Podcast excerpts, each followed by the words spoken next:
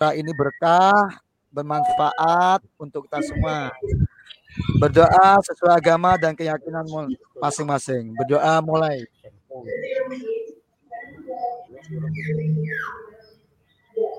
Terima kasih disampaikan. Sebelum kita mulai acara kita, ya karena beliau sudah buru-buru Pak Sule, Bu Warti ya, mungkin sekedar menyapa aja kepada Bu Warti dulu, Ketua KPKI. Monggo disapa dulu Bunda Ana ya. Assalamualaikum. Assalamualaikum Bu Warti, salam kenal. Mungkin kita nanti ke depan makin dekat membangun apa uh, eh, IGTKI makin produktif dan di situ adalah kader bangsa kita untuk pengembelengan terhadap fondasi pendidikan dan Pemkap terus mensupport uh, untuk penyiapan sumber daya alam ini bahkan bukan eh, sumber daya manusia ini bukan sekedar support tapi Pemkap terus uh, menjadikan satu program prioritas yaitu untuk peningkatan IPM indeks pembangunan manusia yang ditopang dari pendidikan. Terima kasih sudah kita bisa berjengker santuy. Dan Pak Sule ya? Ya, monggo Pak ya, Sule sekarang. Pak Sule. Pak Sule ini apa? Apa Himaudi atau Himaudi Bunda? Kabupaten Himaudi. Oh ya. Ada PAUD, ada TK Bunda. Ya. Ya, soalnya Pak Sule-nya nggak pernah ketemu. Lain kali datang dong ke Pemkap ya. Uh, ya. Pak Sule, Pak Sule, Pak Sule mana Pak Sule ya? Pak Sule, Assalamualaikum ya. Eh, terima kasih kami sudah diundang untuk Jengker Santui untuk Himpaudi di Bojonegoro.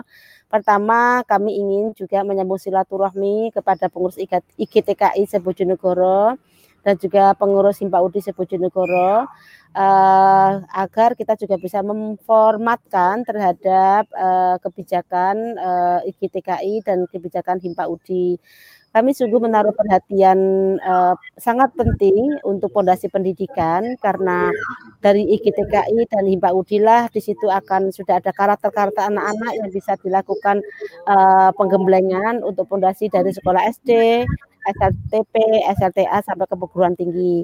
Dan saya uh, membuka kebijakan apa yang ingin disampaikan terhadap untuk penguatan baik kelembagaan, baik juga sumber daya manusia pendidikan, termasuk murid-murid yang ada di IGTKI dan Himpa UDI. Sedang live, Bu. Iya. Datang datang ke pendopo kapan-kapan ya kita ngobrol. Bisa. Ya. ya, terima Oke, kasih Bunda. Untuk menuju strategi new normal Bunda. Nah, mohon nanti teman-teman dari IGTKI dan Himpaud ini diberi arahan Bunda karena Juni ke depan ini kan kita sudah mulai menghadapi new normal.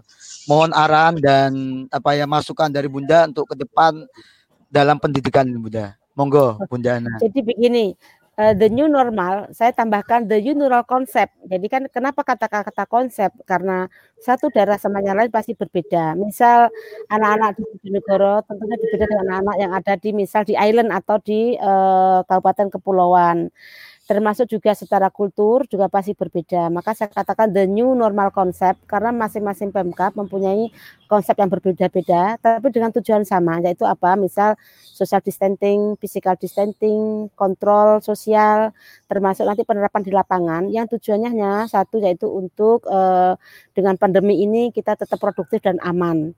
Jadi dengan pandemi yang belum tahu sampai kapan endingnya ini, bahwa pemerintah juga untuk terus mendorong kita tetap produktif, tapi kita aman, tidak mudah tersuspek uh, COVID tersebut. Kemarin baru saja kami mengundang tokoh agama, tokoh masyarakat dari dunia pendidikan, perdagangan, pariwisata, termasuk dari uh, tokoh-tokoh agama, meminta masukan untuk membuat format apa itu the new normal atau saya tambahkan the new normal uh, konsep itu uh, beliau-beliau sudah memberikan masukan yang sangat komprehensif. Nanti konsep ini uh, akan kami tuangkan dalam sebuah uh, norm atau peraturan yang tentunya bisa digunakan di masing-masing misal di tingkat TK, playgroup maupun di tingkat SD, sekolah dasar, SLTP sampai SLTA sampai kepada warga yang sesuai dengan uh, profesi masing-masing. Nah, sampai sekarang yang kedua, sampai sekarang belum ada kebijakan terhadap sampai kapan sekolah ini untuk bisa normal masuk on class kembali. Kemarin kami eh, ingin memperpanjang status KLB, rupanya dari kementerian diminta untuk tidak diperpanjang. Tapi dari Kemendiknas kayaknya tanggal 15 Juni sudah akan mulai aktif. Nah, keaktifan ini uh, belum masing-masing sekolahan berbeda-beda. Kemarin contohnya kami meminta masukan dari salah satu perguruan yang ada di Bojonegoro, contohnya misal Al Fatimah menyampaikan bahwa mereka tetap akan on class, tapi satu minggu masuk kelas, kemudian ujian selesai, ganti lagi dan sebagainya. Ini contoh-contohnya aja. Jadi ujian mereka itu adalah mata pelajaran yang sudah dilakukan selama menjadi eh, selama uh, school from home dan sebagainya. Nah, termasuk mungkin di dalam anak-anak di IGTKI yang atau di Himpaudi, playgroup, kelompok bermain, TK, mungkin juga bisa melakukan uh, homeschooling dari sekolahan jika nanti on class mungkin sifatnya bisa saja on bound, outbound yang sifatnya tidak on class. Karena kalau outbound itu kan mungkin lebih kepada uh, exercise fisik, kemudian penghirup udara segar dan sebagainya. Nah, mungkin kertasnya bisa dibawa keluar sehingga apa menjadi uh, penerapan protokol COVID uh, tetap dijalankan dengan tujuan sekolah tetap berlangsung, baik itu di on class maupun di off class. Kalau on class mungkin juga harus tetap menerapkan tetap uh, jarak. Kami sekarang di Pemkap juga sudah banyak tidak rapat di dalam ruangan ber-AC. Jadi misal kalau ada rapat kami buka ruangan seperti ini hari ini. Hari ini kami juga diskusi sama teman-teman sinar-sinar ini luar biasa. Ini pengusaha ada pengusaha, ada pelatih uh, ada pelatih voli, ada tukang jandom senior. Coba nyapa dulu dong, Pak Bambang. Sun, halo. Halo. Nah.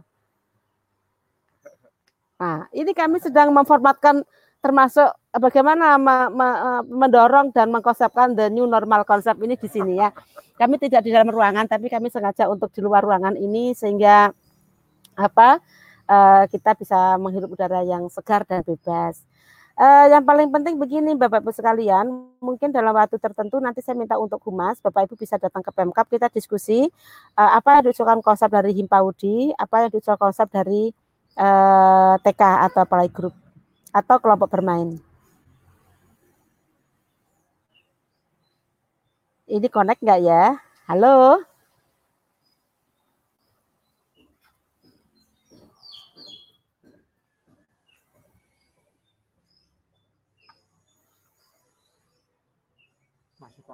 Masih connect tadi siapa mau tadi siapa namanya Kak Sela Kak Sela Kak Sela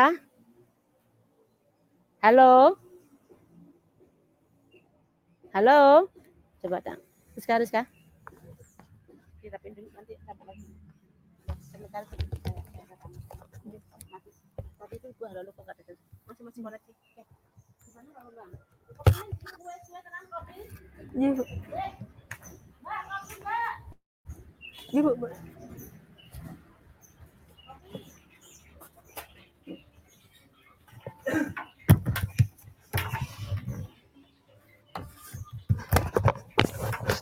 Halo, Kak Sela, mohon izin. Halo, Kak Sela.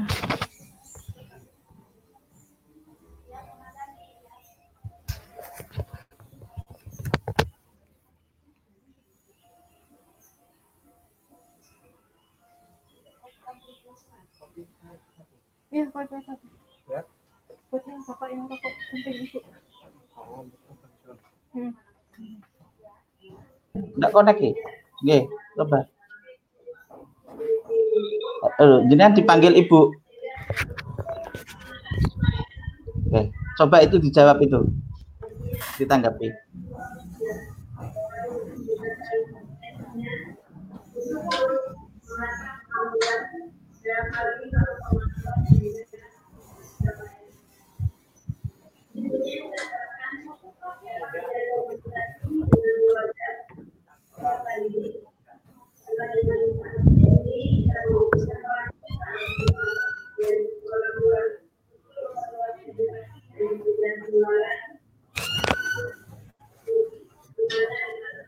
Halo.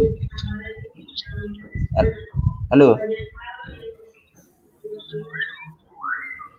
Oh kok iya. Oke, kok ndak anu ndak ada suaranya dengan.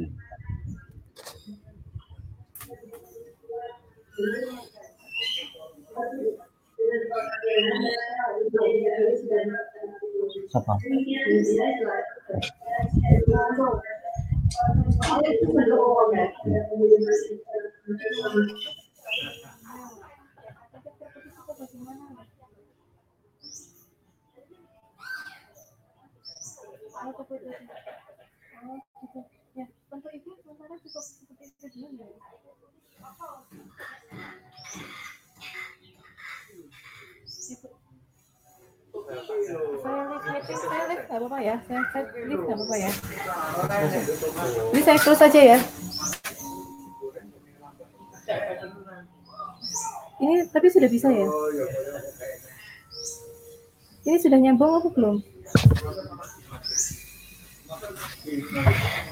oh masih masih error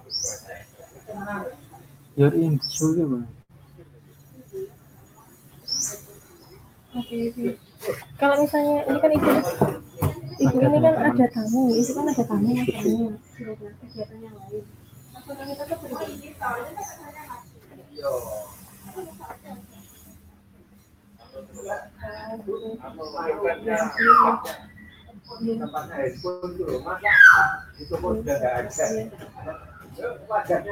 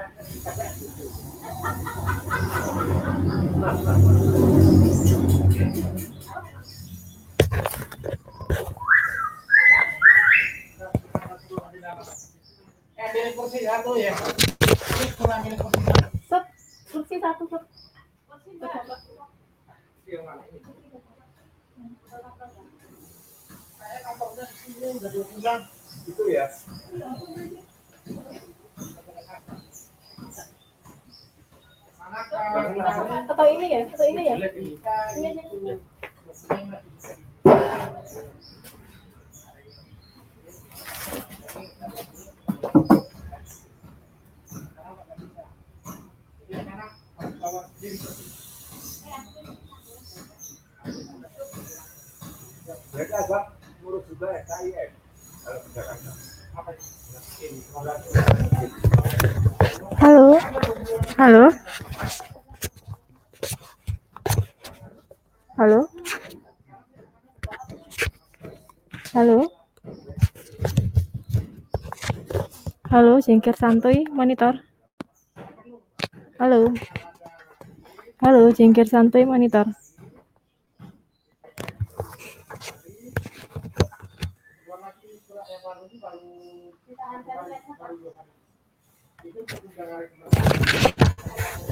Halo. Halo, jengker santuy monitor. Halo.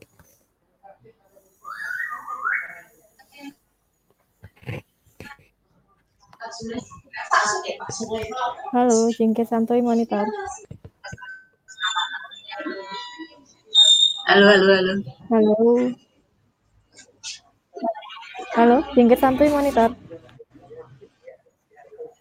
Halo. Halo.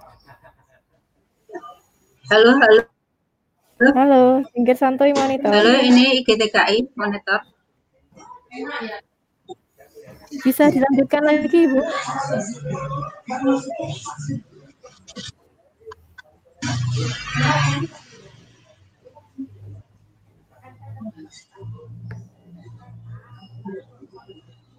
Halo.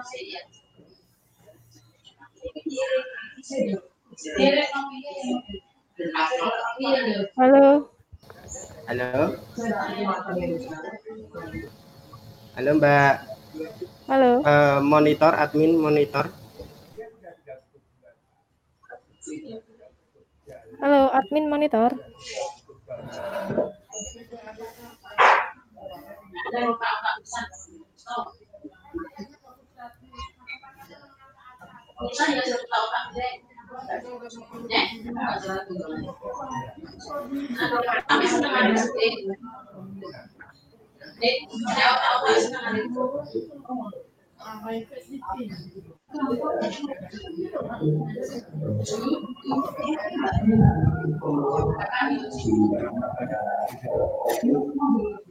Nggak bisa dicari.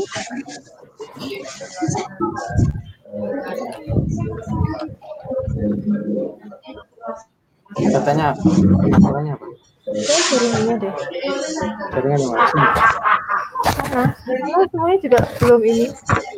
Nggak connect. Halo admin monitor. Admin monitor.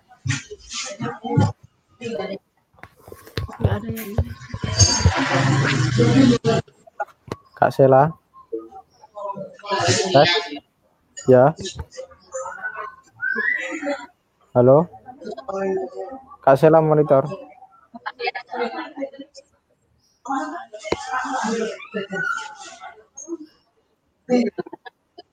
Bu Arti, dengar suara? Iya, iya. Dengar, dengar, dengar. Oke, oke. Ini habis error lah jaringannya. Hmm, gitu. Kak Sela ini yang masih belum bisa nyambung ya. Iya, kemungkinan Kak Sela agak error. Ada yang nyaut ya. Ini Bu Arti dok. Bu- Bu Arti nyaut. Bu Arti monitor. Bu Arti monitor. Bu Arti monitor. Iya, iya, monitor. Iya, monitor. Ibu mohon izin untuk Ibu Bupati sudah cukup, nggih? Soalnya ada kegiatan yang lain. Oh. Nggih. Iya, iya. Terima kasih, Ibu. Nggih, nanti saya sampaikan ke Ibu nggih. Ini juga masih nunggu sinyal iya. jaringannya nggih. Assalamualaikum. Iya, jaringannya kelihatannya kok. Iya. Waalaikumsalam.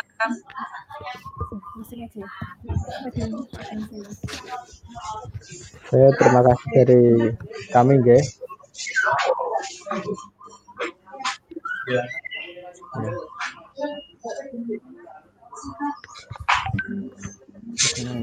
Assalamualaikum. Assalamualaikum Ibu. Waalaikumsalam warahmatullahi wabarakatuh. Ya. Saya Bu Bekti, Bu.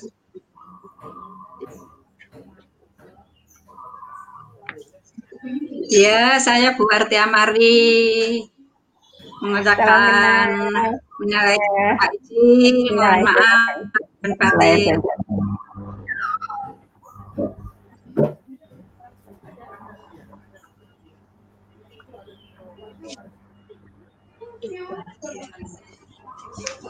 Kasih, kasih. Kasih.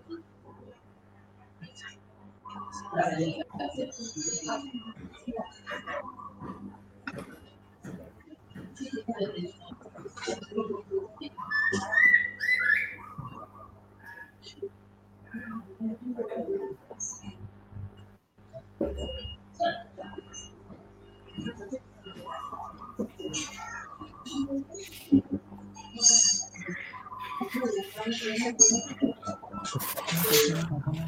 วั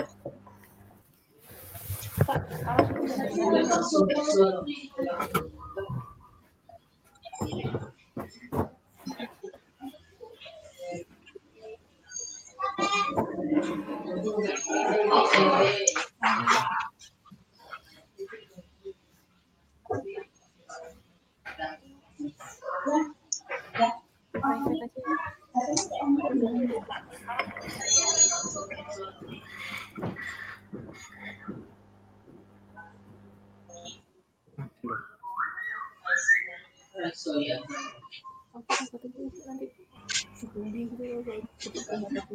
di aja. Ya. Ini kelihatan soalnya. Ini ya chat kelihatannya di sini? Enggak ada praktek. Kan aku lihat yang juga.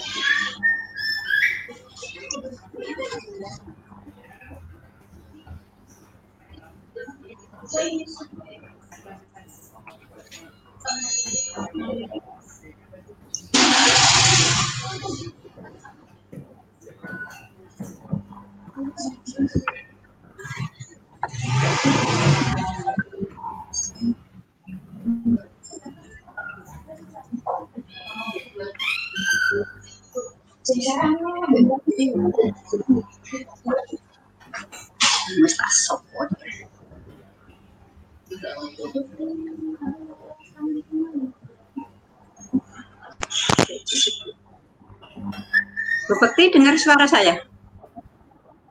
Dengar Bu, dengar. Bu Bekti Dengar. dengar? Oh dengar. Iya. Salam kenal Ibu. Salam kenal Ibu, juga Ibu. Mohon dalamnya maaf di mana ini? ya. Saya di Desa Mulyangu. Dalamnya di mana nih? Di Desa Oh, Desa. Mulyago. Desa Kalau saya ada di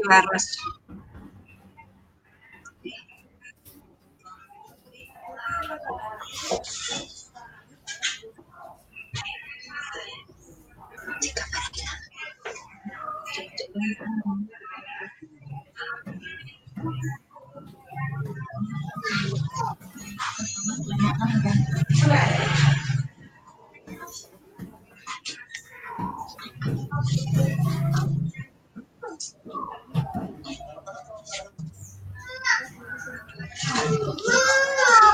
Hey,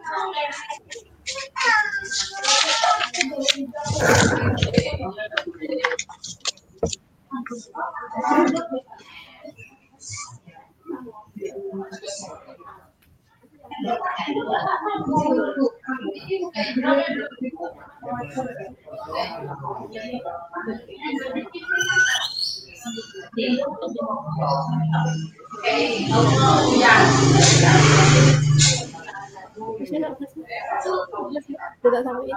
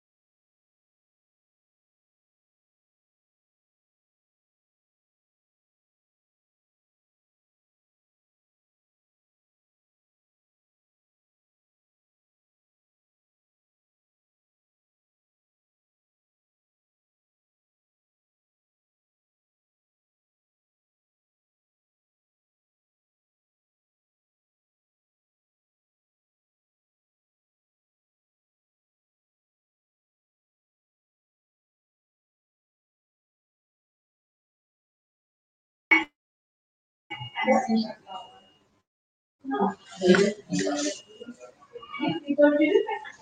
Sela, Kak Sela. Kak Sela. Problem.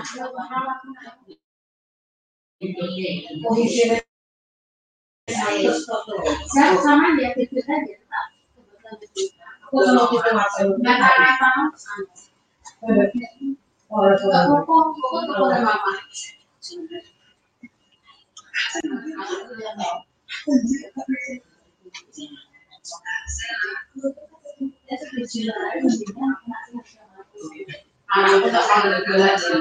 弄吧，弄吧，弄，弄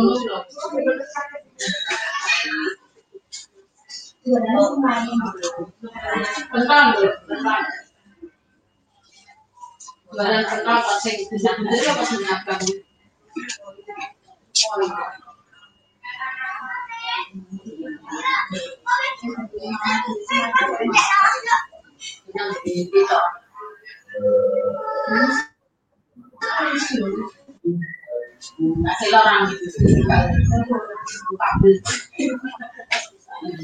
Aku juga kalau sih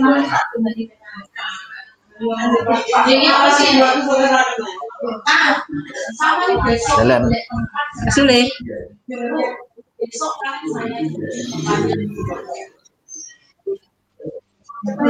Kok anu ya?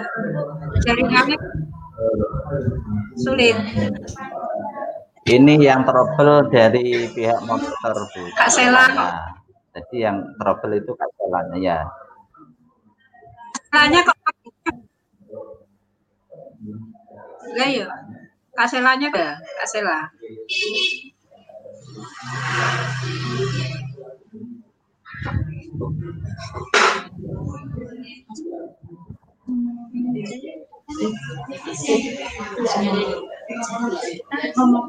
Gimana kabarnya ini?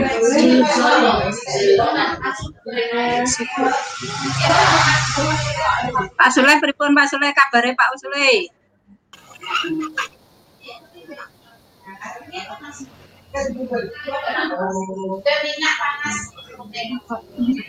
Siapa?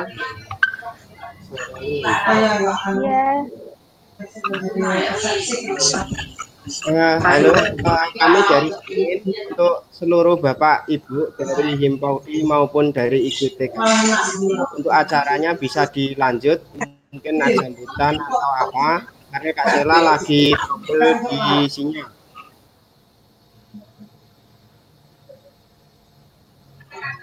Uh, mungkin anu Mas, uh, suaranya putus Mas. Oh ya, uh, dari Pak Sulaiman, Kak Sela juga ini. Bagus, Kak Sela nanti aja Bu, uh, mungkin dilanjut acaranya aja karena Kak Sela terputus sinyal koneksinya. Silakan dilanjut acaranya karena di streaming YouTube sama Facebook sudah live.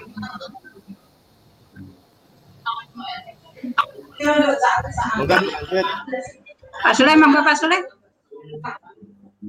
Langsung kita menyampaikan terkait dengan materi aja nih Mas.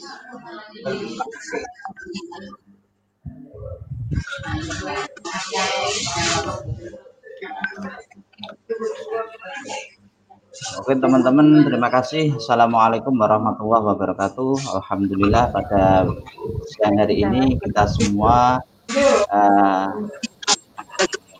bisa bertemu secara virtual dalam keadaan sehat walafiat dan terima kasih kepada teman-teman blogger Bojonegoro yang telah memfasilitasi acara hari ini. Mudah-mudahan acara seperti hari ini bisa berlanjut ke depannya. Teman-teman semuanya, Alhamdulillah kami atas perwakilan dari MAP, kami dari pengurus daerah Himpau di Kabupaten Bojonegoro sebelumnya mengucapkan selamat hari raya Idul Fitri 1441 Hijriah. Minal aidin wal faizin mohon maaf lahir dan batin. Uh, mudah-mudahan di era pandemi ini kita semua diberi kesehatan, kekuatan serta ketetapan iman sehingga kita semua dapat uh, melaksanakan tugas sehari-hari sesuai dengan apa yang menjadi rutinitas kita bersama. Teman-teman semua bahwa himbau di dalam menghadapi era COVID ini telah menyiapkan strategi dan aksi yang akan kita laksanakan dan sudah kita laksanakan dan ada yang akan kita rencanakan. Strategi dan aksi yang pertama yaitu menjembatani himbau di kecamatan dalam berkomunikasi dengan lembaga. Ya, dengan ini kita memberikan himbauan dan instruksi secara tertulis dalam menghadapi situasi pandemi COVID-19 ini. Sehingga teman-teman yang ada di lembaga, khususnya dari pendidik non formal, sudah bisa mengantisipasi terkait hal-hal yang uh, bisa menyebabkan terjadinya COVID-19. Yang kedua, terkait aksi kami yang kedua yaitu melaksanakan uh, daring meeting Zoom yang diikuti oleh pendidik dan orang tua dalam rangka diri untuk melaksanakan PAUD from home. Dan itu insya Allah akan kita laksanakan bersama dengan Himpau di Provinsi Jawa Timur yang akan kita laksanakan besok tanggal 3 Juni ini. Untuk ya, aksi yang ketiga yaitu membantu peningkatan imunitas anak didik eh, dengan kerjasama dengan pihak ketiga dengan memberikan vitamin pada anak agar apa agar imunitas anak itu bisa terjaga. Kemudian strategi dan aksi berikutnya yaitu memberi dorongan moral dan material kepada semua pendidik PAUD melalui meeting Zoom. Dan itu sudah kita lakukan beberapa kali baik secara online atau secara grup di WA terkait dengan uh, pelaksanaan dari webinar. Dan harapannya terkait dengan daring webinar ini bisa berkelanjutan di masa-masa yang akan datang. Karena terkait dengan pandemi ini, kita juga belum tentu sampai kapan pandemi ini akan berakhir. Untuk itu strategi yang telah kita lakukan adalah kita uh, membuat daring webinar secara online dengan para pendidik dan guru-guru yang di bawah naungan Himpaudi. Kemudian yang kedua, memberikan informasi tentang uh, akses pulsa gratis yang ini adalah program dari uh, Himpaudi Pusat dan dalam hal ini sudah disampaikan di media sosial khususnya di Facebook yaitu di Facebooknya Bundu Neti Hirawati yaitu Ketua Umum Himpaudi Pusat. Kemudian terkait dengan strategi dan aksi yang selanjutnya dari Himpaudi adalah membantu memenuhi kebutuhan lembaga dengan sistem konsiasi. Dan Alhamdulillah untuk pendidik PAUD Kabupaten Bojonegoro, khususnya yang ada di bawah naungan Himpaudi, tahun ini kita sudah mendirikan koperasi untuk pendidik PAUD dengan nama Koperasi Mandiri Jaya Perkasa dan alhamdulillah sudah berbadan hukum dan siap untuk menangani teman-teman yang membutuhkan segala sesuatu yang terkait dengan baik itu ATK, baik itu terkait dengan pengadaan seragam dan sebagainya. Dan alhamdulillah itu sudah berdiri dan sudah mulai beroperasi untuk tahun ini. Uh, yang kedua, uh, mendorong semua pengurus dan anggota Himbaudi memberdayakan ekonomi keluarga dengan melakukan uh, berdagang atau melayani jasa secara online karena akhir-akhir ini sudah banyak sekali itu dilakukan oleh teman-teman yaitu secara online dia uh, menawarkan jasa yang bisa diakses oleh teman-teman pendidik yang lain.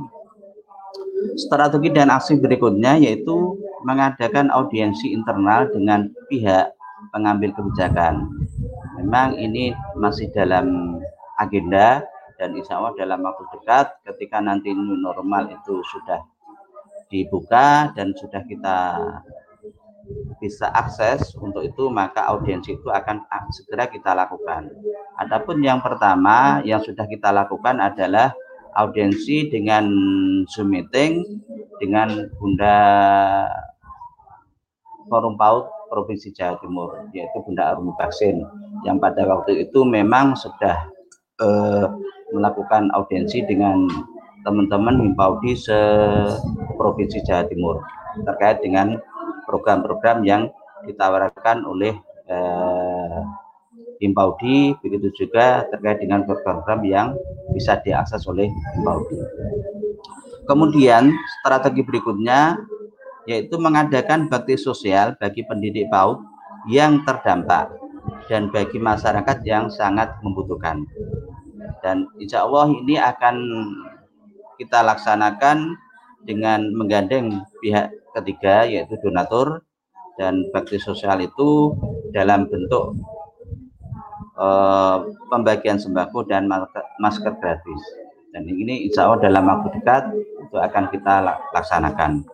Kemudian uh, strategi dan aksi berikutnya yaitu uh, membangun jaringan kemitraan dengan berbagai pihak yang akan dimulai dan direalisasikan insya Allah bulan Juni ini. Dan dinas dan mitra yang akan kita gandeng yaitu dari dinas sosial, dinas peternakan, dinas koperasi, dinas perikanan, dan juga dinas perdagangan. Dan itu insya Allah akan segera kita realisasikan setelah pandemi ini uh, berakhir. Uh, mungkin maaf uh, terkait dengan program-program yang sudah saya sampaikan tadi, insya Allah itu sudah kita jalankan dan sebagian kecil memang belum kita jalankan terka, ter, uh, terkait dengan audiensi dengan beberapa pihak. Yang insya Allah nanti dengan Ibu Bupati juga dengan DPRD Kabupaten Bojonegoro ini insya Allah akan kita lakukan dalam dalam waktu dekat setelah pandemi COVID-19 ini berakhir. Itu yang dapat kami sampaikan dan terima kasih atas waktunya uh, dan tanggapan mungkin masukan sangat kami harapkan untuk keberlangsungan pendidikan anak usia dini di Kabupaten Bojonegoro. Dan akhir kalam, wassalamualaikum warahmatullahi wabarakatuh. Terima kasih.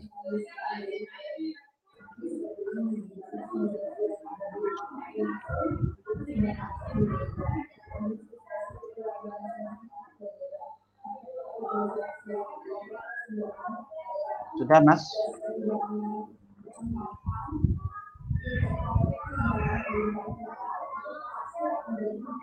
Waalaikumsalam warahmatullahi wabarakatuh. Terima kasih Pak. Uh, apa tadi yang sudah dipaparkan sebelumnya salam kenal. Saya Bekti Prastiani Pak. Ya, ya, salam kenal kembali. Sama-sama. Sama-sama orang Bojonegoro. Iya. Ya, mungkin belum pernah bertemu atau mungkin bertemu tapi masih belum belum bisa akrab.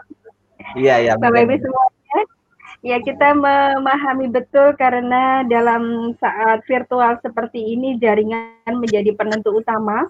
Jadi uh, aksesnya menjadi penentu utama kita bisa berkomunikasi, tapi karena ini sistemnya live, jadi biar tidak kosong, mohon maaf, mohon izinnya untuk menyambung apa tadi yang Bapak sampaikan. Uh, sebelumnya salam kenal untuk semuanya. Terima kasih atas undangannya sebagai apa? Uh, sebagai narasumber tamu. Uh, yang sebenarnya saya bukan tamu tamu yang sesungguhnya karena rumah saya juga di Bojonegoro. Terima kasih sebelumnya kepada uh, ini teman-teman Hipauti yang sangat luar biasa. Bapak keren sekali tadi uh, strategi-strateginya biasa. Alhamdulillah. Saya adalah selaku fasilitator nasional Sekolah Ramah Anak di mana program Sekolah Ramah Anak ini adalah salah satu indikator pencapaian di Kabupaten Kota Layak Anak. Nah, alhamdulillah saya diberi amanah dari Kementerian Pemberdayaan Perempuan dan Perlindungan Anak selaku ketua Pokja aspirasi yang aspirasi ini adalah sebagai wadah fasilitator nasional se-Indonesia. Dan kebetulan saya rumahnya di Bojonegoro izinkan saya berbagi kepada Bapak Ibu semuanya bagaimana proses kegiatan belajar mengajar di saat pandemi ini dengan lebih bagaimana kita memahami hak-hak anak karena pada intinya uh, proses di satuan pendidikan yang melaksanakan program sekolah ramah anak adalah lebih bagaimana kita bisa memenuhi, memberikan dan uh, melindungi hak-hak anak. Yang dinamakan anak adalah uh, usia 0 sampai kurang 18 tahun. Jadi pemahaman yang kita kita sharing bersama, anak adalah usia 0 sampai kurang 18 tahun. Ini yang uh, kita ketahui bersama. Jadi anak pada saat SMA mungkin dia dikatakan remaja, tapi ternyata dia masuk pada tahap. Apalagi sekarang berbicara dengan semuanya di Saudi, kita bahasanya uh, lebih itulah anak-anak kita.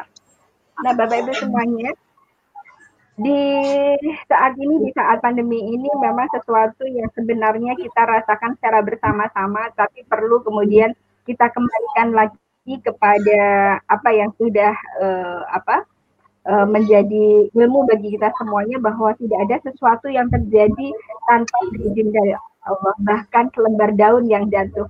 Jadi apa pun yang kita hadapi pada saat ini kita terima kondisi saat ini itu semuanya adalah atas izin dari Allah sehingga kemudian bagaimana kita bisa survive, bagaimana kita bisa uh, menghadapi ini semuanya. Dan yang kedua tidak ada sesuatu uh, cobaan uh, yang kemudian di luar batas kemampuan manusia. Jadi sebenarnya kita sudah diberikan kemampuan lebih awal, lebih dulu dari Allah dan baru kemudian cobaan itulah yang diberikan kepada kita semuanya. Artinya bahwa supaya kita mampu semuanya untuk menghadapi keadaan ini, kita siap untuk menghadapi keadaan ini. Bagaimana kemudian kita harus menyikapi, bagaimana kemudian kita harus tadi strategi-strategi yang uh, Bapak tadi sampaikan adalah bagaimana kita bisa berpikir kritis. Karena salah satu hal yang menjadi dasar orang sukses itu katanya sih katanya para ahli uh, adalah orang yang mampu bertahan dan beradaptasi pada lingkungannya. Jadi orang yang mampu bertahan dan beradaptasi dengan lingkungan ini adalah normal. Keadaan yang bukan bukan baru, tetapi kita harus menjadikan suatu budaya dan karakter baru yang ada di masyarakat kita. Sebenarnya sangat sederhana sekali. Apa sih yang harus kita lakukan? Misalkan bagaimana kita belajar uh, apa uh, pada saat kita mungkin sudah memperlakukan kita belajar di sekolah berarti menjaga pola hidup yang sehat, kemudian menjaga kebersihan yang sehat, menjaga jarak, selalu pakai masker. Nah ini sederhana, tapi bagaimana kita kemudian mendapat uh, menjadikan itu semuanya sebagai karakter, sebagai budaya yang kita semuanya paham arti dan maksudnya. Nah, Bapak Ibu semuanya, uh, menghadapi ini semuanya, menghadapi bagaimana kemudian kita berusaha bersama-sama untuk bagaimana kita menjalin kerjasama. Jadi pandemi ini adalah salah satu hal kalau kita bisa berpikir bahwa inilah cara Allah untuk kemudian mengembalikan budaya gotong royong yang ada di Indonesia. Bagaimana kita mengembalikan sifat empati yang sesungguhnya itu dimiliki oleh, oleh orang Indonesia.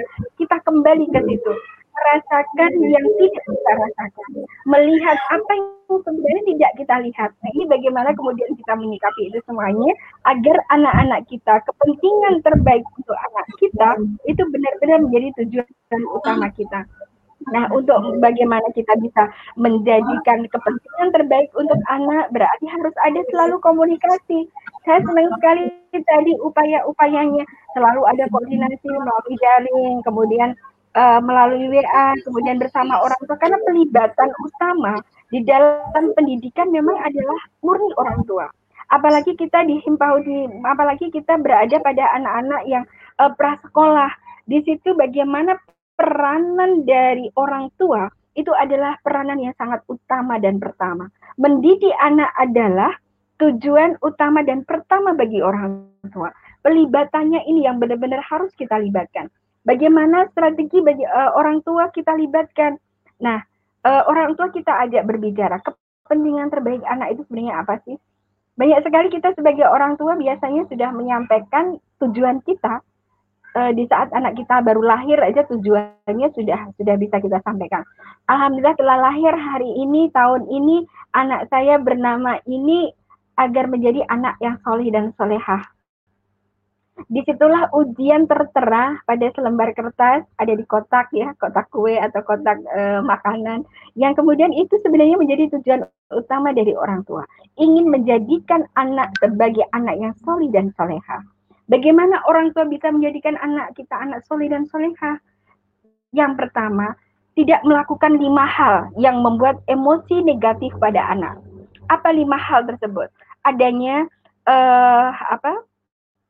Penolakan, adanya pengabaian, kemudian orang tua sebagai teror, orang tua sebagai uh, ini uh, isolasi, dan yang keempat orang tua menjadi contoh teladan yang kurang baik. Ini yang kemudian harus kita pahami di saat pandemi ini.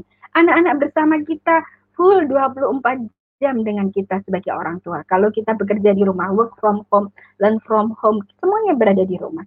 Di sinilah kesempatan kita untuk tidak melakukan lima hal ini. Kalau kita ingin menjadikan anak-anak kita yang solid dan soleha.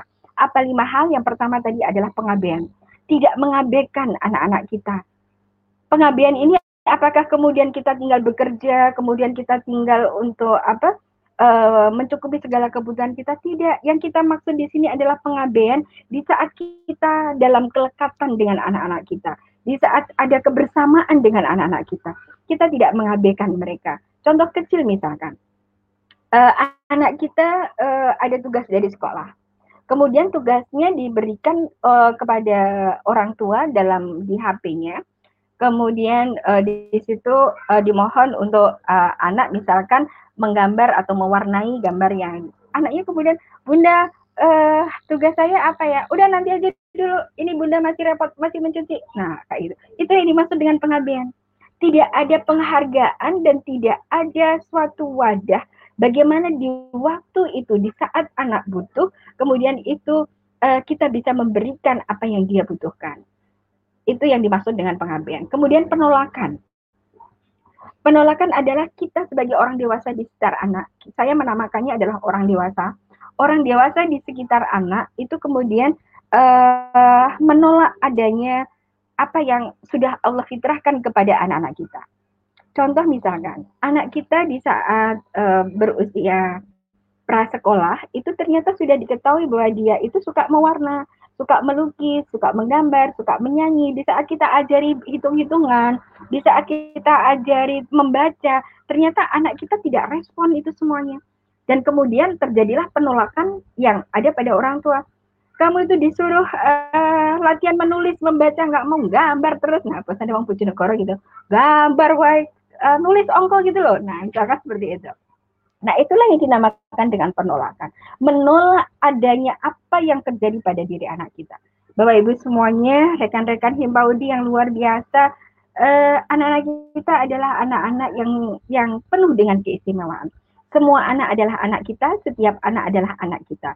Sehingga pada saat kita menghargai kalimat tersebut, ternyata ada satu hal yang paling benar-benar kita harus pahami bahwa setiap anak itu dilahirkan secara fitrah dan dia sudah membawa segudang potensi yang ada pada dirinya.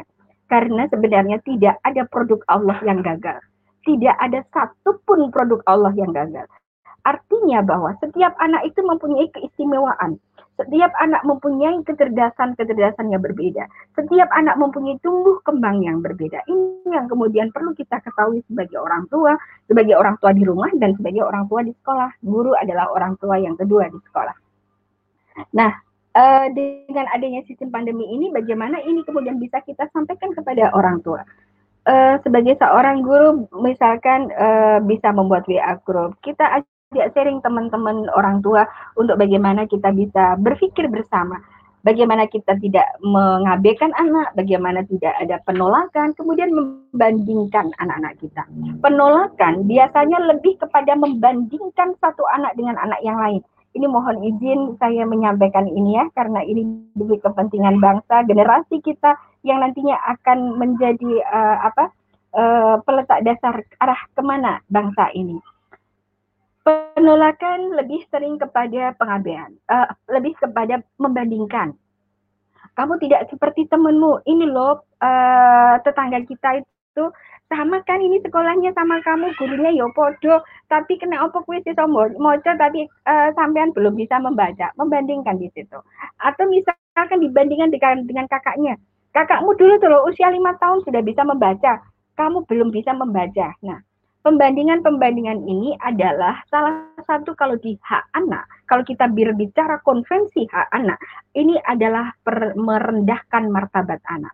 Kita tidak menghargai hak-hak anak, merendahkan martabat anak karena setiap anak mempunyai kecerdasan yang berbeda. Tidak mungkin uh, ikan diminta terbang, gajah diminta untuk memanjat atau mungkin burung diminta untuk apa ya? berenang misalkan. Kecuali burung-burung yang bisa berenang Nah, Bapak Ibu semuanya, eh, kenapa ini tidak diizinkan di dalam bagaimana kita menyikapi pandemi yang seperti ini? Saya tahu persis, mungkin kami juga tahu persis, Bapak Ibu semuanya tahu persis bagaimana kondisi kemudian kita selalu berada di rumah. Uh, dari sisi orang tua mungkin sih dari sisi emosi susah untuk mengontrol bagaimana anak dengan pola pola perilaku yang berbeda dengan kemudian daya tangkap yang berbeda, dengan daya belajar yang berbeda, sering membuat kita emosi sebagai seorang ibu dalam mendampingi itu. Tapi tetap ini tidak boleh kita lakukan. Kenapa? Di saat kita membandingkan anak kita yang satu dengan anak yang lain, di saat kemudian kita memberikan rasa takut, memberikan rasa jerah, memberikan bagaimana anak kita itu kemudian e, merasa dibandingkan akhirnya sedih dan kecewa, yang terjadi pada tubuh anak kita jantungnya berdetak tidak teratur. Jadi jantungnya detak-detak gitu ya. Seperti kita dia sebagai orang dewasa kalau dibandingkan itu kan tidak nyaman. Begitu pula dengan anak-anak kita. dan jantungnya berdetak tidak nyaman, kemudian uh, berdetak lebih kencang, akhirnya yang terjadi pada tubuh adalah hormon kortisol dan adrenalin. Seperti kalau kita bermain di misalkan di Jatim Park, kemudian di di WBL itu kan ada permainan-permainan disebut dengan permainan adrenalin, permainan pemacu adrenalin. Di situ kita ada rasa uh, takut, ada rasa uh, deg-degan. Nah, di situlah kemudian ternyata jantungnya berdetak lebih kencang. Di saat jantung berdetak lebih kencang, yang terjadi pada tubuh adalah bagaimana kemudian terjadi hormon kortisol dan adrenalin fungsi dari hormon kortisol dan adrenalin pada anak itu apa, pada kita itu apa. Ternyata, ternyata ya selamat datang Mas Ella, sudah kelihatan ini ya. Mohon maaf. Nah, ternyata Bapak Ibu semuanya itu adalah mengakibatkan sinap-sinap otak anak itu rontok. Kemudian muncullah eh, apa eh, apa beberapa hal yang akhirnya membuat uh, batang reptil anak kita itu semakin membesar. Jadi kalau boleh boleh izin berbagi terkait dengan ilmu neuroscience, otak manusia itu dibagi menjadi tiga, yaitu korteks, limbis, dan batang reptil di sini. Fungsi otak batang reptil itu sifatnya seperti otak hewan, hewan-hewan reptil. Jadi dia suka memangsa, kemudian memusuhi, kemudian dia menerkam, Nah, di saat kemudian dia merasa tubuhnya lemah, dia melarikan diri. Nah, itulah yang kemudian akhirnya bisa terjadi juga pada anak-anak kita yang sering detak jantungnya berdetak lebih kencang karena adanya rasa takut, rasa kecewa, rasa sedih, rasa jera, diberikan rasa jera, kemudian eh, dibanding-bandingkan dengan orang-orang di sekitarnya. Yang boleh bagaimana Bunda Bekti untuk memotivasi anak mungkin kita sebagai orang tua itu biasanya kita memberikan uh, bahasa kamu tidak seperti kakakmu, kamu tidak seperti adikmu, kakakmu dulu seperti maksud kita sebagai orang dewasa itu adalah memotivasi agar kebaikan ini juga dimiliki oleh anak. Tetapi ini ternyata mohon maaf Bapak Ibu semuanya di ini di pemahaman anak itu tidak terjadi yang terjadi adalah bahasa kalau kita kita bahasakan adalah oh ibuku lebih sayang sama kakakku. Oh berarti apa pun yang aku lakukan ternyata tidak benar di mata orang tuaku. Oh berarti saya boleh melakukan ini karena ada dibandingkan. Oke lah berarti aku akan berbuat segala sesuatu agar bisa menjatuhkan kakakku atau bisa menjatuhkan adikku. Ini yang kemudian eh, pernyataan atau kalimat yang bisa dibahasakan di dalam otak bawah sadar anak. Nah, akhirnya kita kemudian tidak boleh untuk kita membandingkan membuat jantung anak kita berdetak lebih kencang. Yang diizinkan adalah membandingkan atas dirinya sendiri. Membandingkan bagaimana kejadian yang baik kita tangkap dengan kesalahan yang dia lakukan saat ini. Uh, misalkan dengan uh, nama anak saya misalkan Fafa Fafa, kemarin kamu sudah pinter sekali, sudah hebat. Kemarin Fafa bangun tidur langsung bisa mandi, kemudian alhamdulillah sudah bisa uh, pakai pakaian sendiri. Tapi kenapa ya hari ini Fafa kok belum bisa melakukan seperti yang kemarin? Nah, membandingkannya atas membandingkan dirinya sendiri. Akhirnya kemudian muncul sebuah kesadaran karena setiap apa pun yang kita lakukan yang berorientasi pada perubahan perilaku pada anak kan intinya pada sadar. Nah ini yang kemudian harus kita pahami Bapak Ibu semuanya. Di saat bahasa yang kemudian penghargaan tadi kita berikan kepada anak kita, jantungnya berdetak lebih normal. Nah di saat jantung berdetak normal, yang terjadi adalah di tubuhnya hormon endorfin dan serotonin. Fungsinya apa? Memperbesar otak bagian neokortex. Neokortex fungsinya apa? Fungsinya adalah bagaimana kemudian anak bisa lebih berpikir bijak bijaksana, mana yang baik, mana yang tidak baik. Dia akan berpikir, oh berarti belajar itu penting ya. Oh berarti merubah sebuah perilaku yang salah itu penting. Itu tanpa kita ketahui sebagai orang dewasa. Tapi itu dicerna pada otak anak kita. Itu yang pertama. Kemudian, pada saat uh, kita berbicara segumpa uh, jantung tadi berdetaknya normal atau tidak normal, kan sejalan dengan apa sebenarnya yang ada di dalam hadis uh, Bukhari dan Muslim ada segumpal daging di dalam tubuh manusia.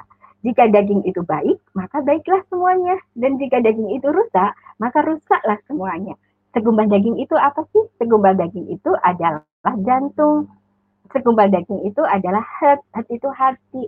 Makanya bagaimana kemudian uh, jantung anak kita harapannya dalam uh, budaya kita orang Islam itu sebaiknya uh, apa selalu dalam bentuk penyadaran bukan dalam bentuk hukuman bukan dalam bentuk memberikan sanksi ini yang kemudian sejalan dengan konvensi hak anak yaitu memberikan hak perlindungan dan memberikan uh, rasa penghormatan terkait dengan hak-hak anak. Nah, yang ketiga tadi apa? Yang ketiga adalah teror.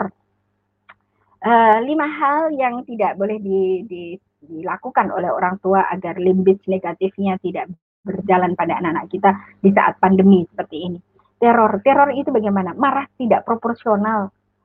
Anak kita itu kita ketahui persis kan, anak itu adalah usia 0 sampai kurang 18 tahun. Yang namanya anak itu adalah peniru ulung.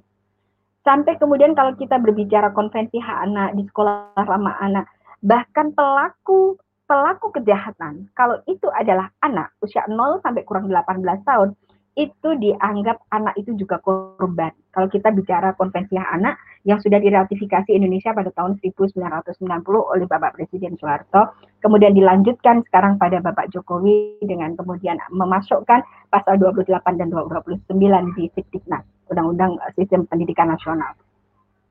Bahwa eh, di saat kemudian kita berhadapan dengan anak-anak yang eh, dianggap sebagai pelaku, itu juga dinamakan korban. Korban dari apa?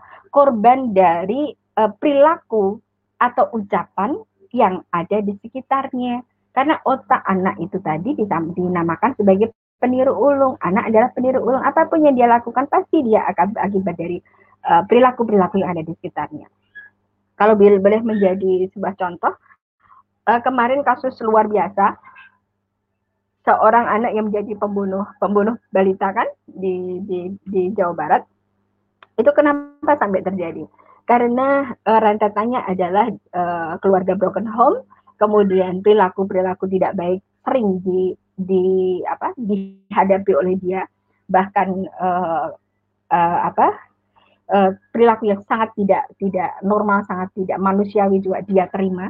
Dan dia diam saja dia tidak mampu untuk mengungkapkan itu. Dan di situlah kemudian batang ratingnya membesar, di suatu saat ada kesempatan, ada anak kecil yang main, dia bisa melampiaskan ke dia.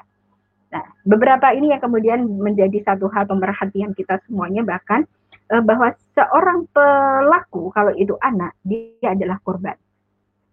Apalagi anak-anak kita yang uh, masih dalam tahap prasekolah seperti ini, kalau misalkan dia sering marah, kemudian sering pukul, Jangan-jangan kita sebagai orang tuanya juga sering marah dan sering pukul pada anak-anak kita. Nah ini pertanyaan yang bisa dijawab adalah kita, dari kita semuanya.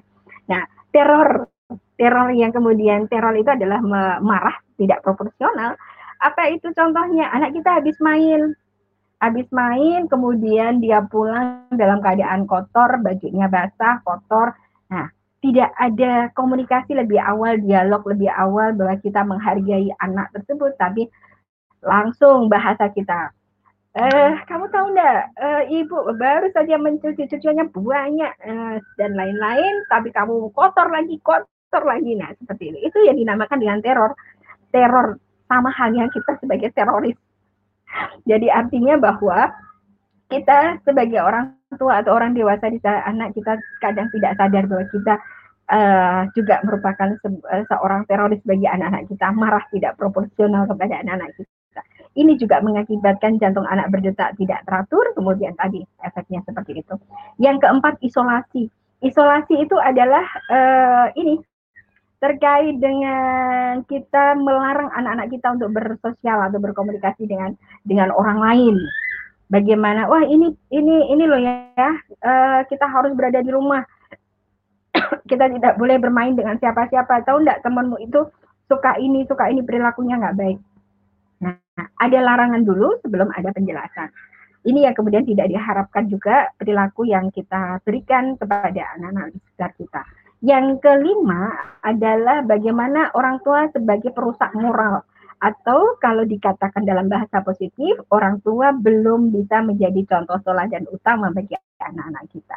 Contoh paling kecil, di saat kita berada di rumah saat ini hiburan satu-satunya adalah televisi dan HP.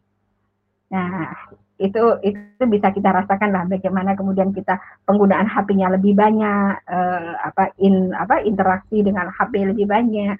Nah, ternyata kita pingin anak kita belajar bahasa yang kita berikan ini ada tugas dari bu guru saya, tolong kamu kerjakan. Tapi yang dilakukan oleh orang tua adalah memegang HP. Kemudian apa yang dilakukan oleh anak-anak kita? Apakah langsung belajar sesuai arahan kita atau dia merengek mau minta HP? Ini karena memang apa pun yang dilihat dan dirasakan oleh anak-anak kita itu diserap. Nah, kalau misalkan ingin ingin apa, eh, kita tetap ber-HP dan anak-anak bisa melakukan uh, tugasnya, bisa jadi dengan bahasa mungkin mohon maaf ya, Bunda baru komunikasi dengan temannya. Bunda uh, sedih loh nanti kalau saat komunikasi dengan temannya ini nanti Bu tidak menjawab, tapi minta tolong ya 10 menit lagi Bunda akan temani kamu belajar. Nah, bahasa ini yang kemudian ayo kita bangun bersama-sama untuk bagaimana kita bisa diterima oleh anak-anak kita. Karena uh, sering kali kita sebagai orang dewasa berkata, saya sudah perhatian banyak Bunda sama anak-anak saya. Saya masih sudah perhatian sekali sama murid-murid saya, tapi ternyata kenapa mereka masih melakukan hal-hal yang tidak tidak kami harapkan? Jawabannya adalah tanyakan kepada orang yang kita kasih perhatian, apakah dia sudah merasa diperhatikan? Ya, itu jawabannya. Terima kasih Kak Sila. Terima kasih Bapak Ibu semuanya. Sekedar ini yang bisa saya hmm. sampaikan. Uh, mungkin nanti apa ada sesi tanya jawab mungkin atau bagaimana saya kurang tahu secara teknisnya. Ini ya, bisa saya ya, sampaikan. Oh ada ada sesi tanya jawabnya. Ada dong ya. Oke, terima kasih. Saya mohon maaf kepada seluruh pemirsa tadi di tempat saya yang error ya, mohon maaf. Ya karena mohon maklum ini tanggal muda jadi pulsa perlu diisi ulang kayaknya ini Bunda. ya silakan. Uh, baik. uh, apakah Pak Sule sama Bu Warti masih mantau ya? Admin mohon ditampilkan wajah-wajah mereka. mereka ya. Masih, masih. Ya, Pak Sule ngapunten Pak Sule tadi trouble ya. Alhamdulillah tapi Ibu merespon baik kegiatan kita. Bu Warti juga ya. Tadi ya, ya. Bu Warti sama Pak Sulu udah paparan ya? Sudah paparan uh, Bu ya? Warti. Bu Warti belum. Oh, yang Bu Warti belum. Oke. Bunda Bekti matur nuwun ya. ini ikut ikut seminar online dua Bulukumba ya Bunda ini tadi. Bulukumba hari ini ya, pagi ini di Bulukumba. Uh, sudah, di sudah selesai Bunda. Sudah selesai. Alhamdulillah, uh, uh, ternyata kemarin saya nggak sadar, ternyata kan jamnya berbeda ya di sana iya, tertulis jam 9 sama dengan itu. Ternyata di sana apa kalau kita mengikuti di sini jam 8 jadi alhamdulillah sana oh. selesai terus lagi lari ke sini alhamdulillah sebentar lagi dengan dengan ini dengan FGI Federasi Guru Independen Indonesia. Sebentar lagi. Jadi yeah. nanti kalau udah ini udah selesai saya mohon izin keluar live dulu. Karena yeah. ada salah satu promosi yang menunggu. Terima kasih. Yeah. tapi standby dulu gak apa bunda ya. Sebentar ya Oh, siap, okay. siap, siap, ya, siap. Oke, okay, uh, eh, untuk pemirsa yang di rumah yang mantau dari Facebook maupun YouTube, dimohon kalau ada pertanyaan langsung aja ya disampaikan di live comment di komen Facebook itu di blog Bojonegoro nanti akan dipilih oleh IGTKI dan Himpodi memperoleh door prize ya. Apa door prize-nya? Oh, tahu ini. Kalau boleh saya juga, ya. kalau boleh saya juga ini Mohon izin kalau boleh ada dompet juga dari saya, boleh? Oh, itu. Wah, malah senang Bunda. Silakan ya, nanti. buku buku SRA ya, buku sekolah ramah anak. Ya, nanti ya. kalau nanti dipantau terus yang mau tanya langsung aja ya, teman-teman. Nah, terakhir nanti ini paparan dari beliau yang terhormat Bu Warti, Ketua IGTKI Bojonegoro. Monggo ini lengkap Bunda ada Paudi ada GT, GTKE. Iya, iya, iya, mantap, mantap, mantap. Bersama Pak Sule sama Bu Warti ini. Monggo ya, Bu Warti, paparannya ya, maksimal 10 menit. Monggo Bunda. Terima kasih. Assalamualaikum warahmatullahi wabarakatuh. Selamat siang, salam sejahtera untuk kita semua. Uh, Halo? Halo? Ya, ya Bu, benar. Ya Bu, oh. ya Bu, lanjut Bu, lanjut aja, oke. Nah, Izinkan di momen yang berbahagia ini saya mengucapkan minal izin wal faizin, mohon maaf lahir dan batin, maafkan atas segala salah dan kilap baik sedih sengaja ataupun tidak. Selanjutnya kami mengucapkan banyak terima kasih pada komunitas blogger Bojonegoro yang telah memfasilitasi guru-guru PAUD untuk di blogger Bojonegoro ini jengker santui. Semoga jengker santui ini tidak sampai uh, tidak berhenti sampai di sini saja, tapi mungkin ada kelanjutannya biar eh, teman-teman uh, guru-guru uh, ini bisa me menyampaikan aspirasinya karena banyak guru-guru TK guru TK atau guru PAUD itu yang punya potensi bagus. Jadi monggo Kak Sela nanti bisa diteruskan untuk jengker santui ini. Selanjutnya kami akan memperkenalkan nama saya Warti Amari. Saya diberi amanah oleh ibu-ibu guru TK untuk menjadi ketua Himpa, eh, Kabupaten Bojonegoro. Saya terima kasih atas dukungannya. Semoga Bojonegoro eh, IGTKI akan lebih maju ke depannya. Selanjutnya akan saya sampaikan eh, strategi IGTKI dalam masa pandemi corona ini, yang mana kita tetap mengikuti anjuran pemerintah yaitu protokol kesehatan.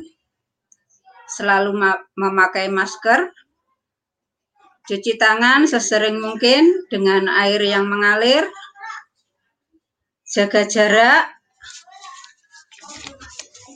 terus ada lagi untuk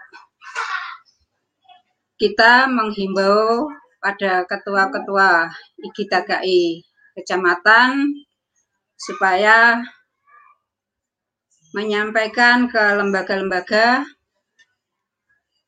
kaitannya dengan protokoler kesehatan yang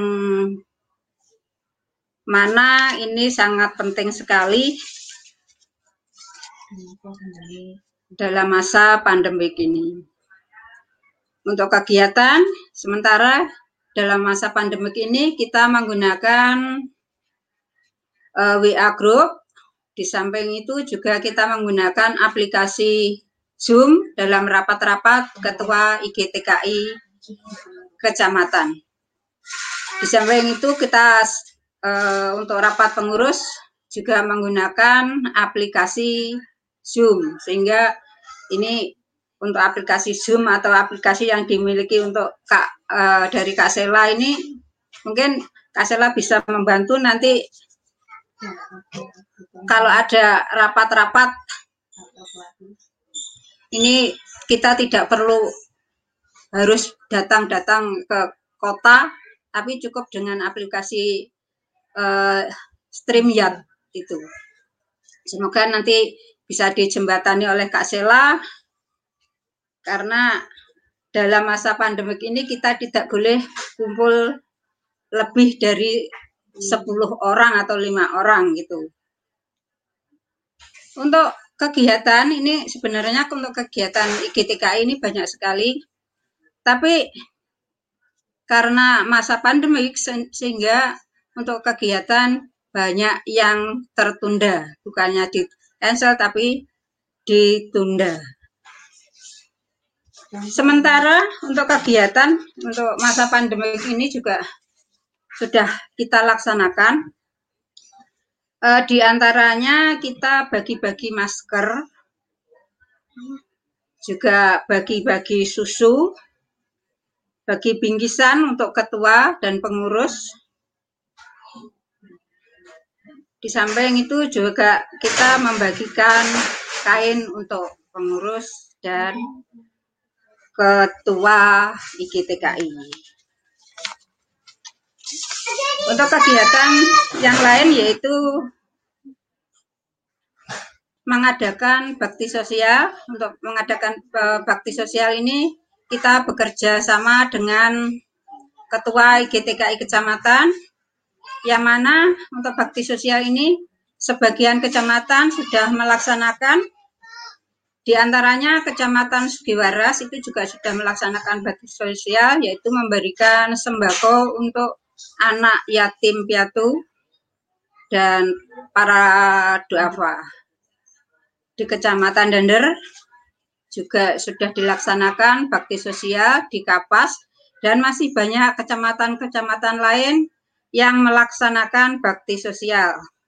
Kami sangat mendukung untuk bakti sosial ini untuk ketua kecamatan, monggo terus dilaksanakan dalam khususnya dalam waktu pandemi corona ini.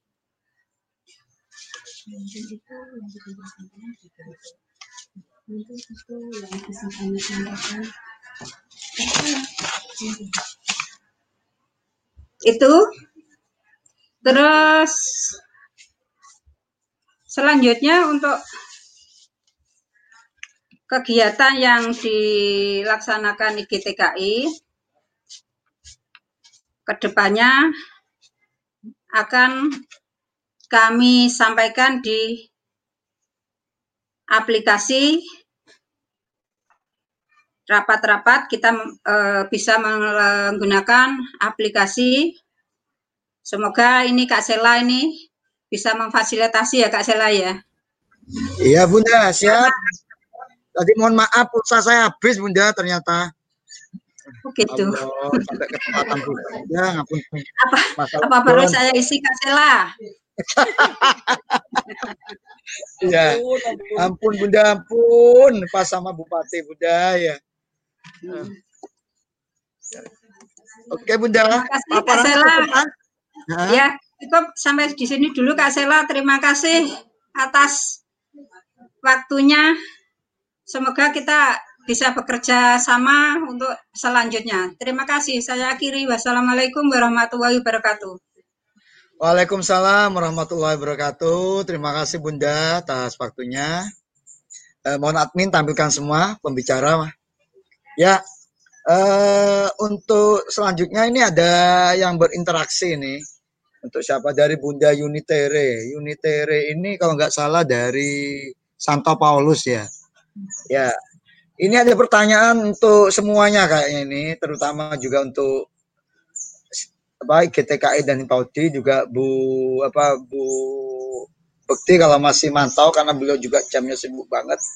Bagaimana tanggapan tentang new normal khususnya untuk PAUD ya? PAUD berarti ya Pak Sule dulu kayaknya ya. Pak Sule dulu.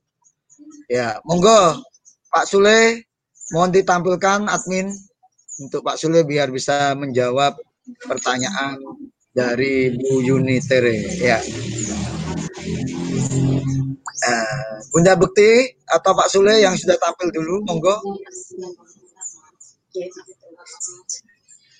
Atau dari mana ini karena PAUD, jadi nanti Pak Sule, monggo Pak Sule.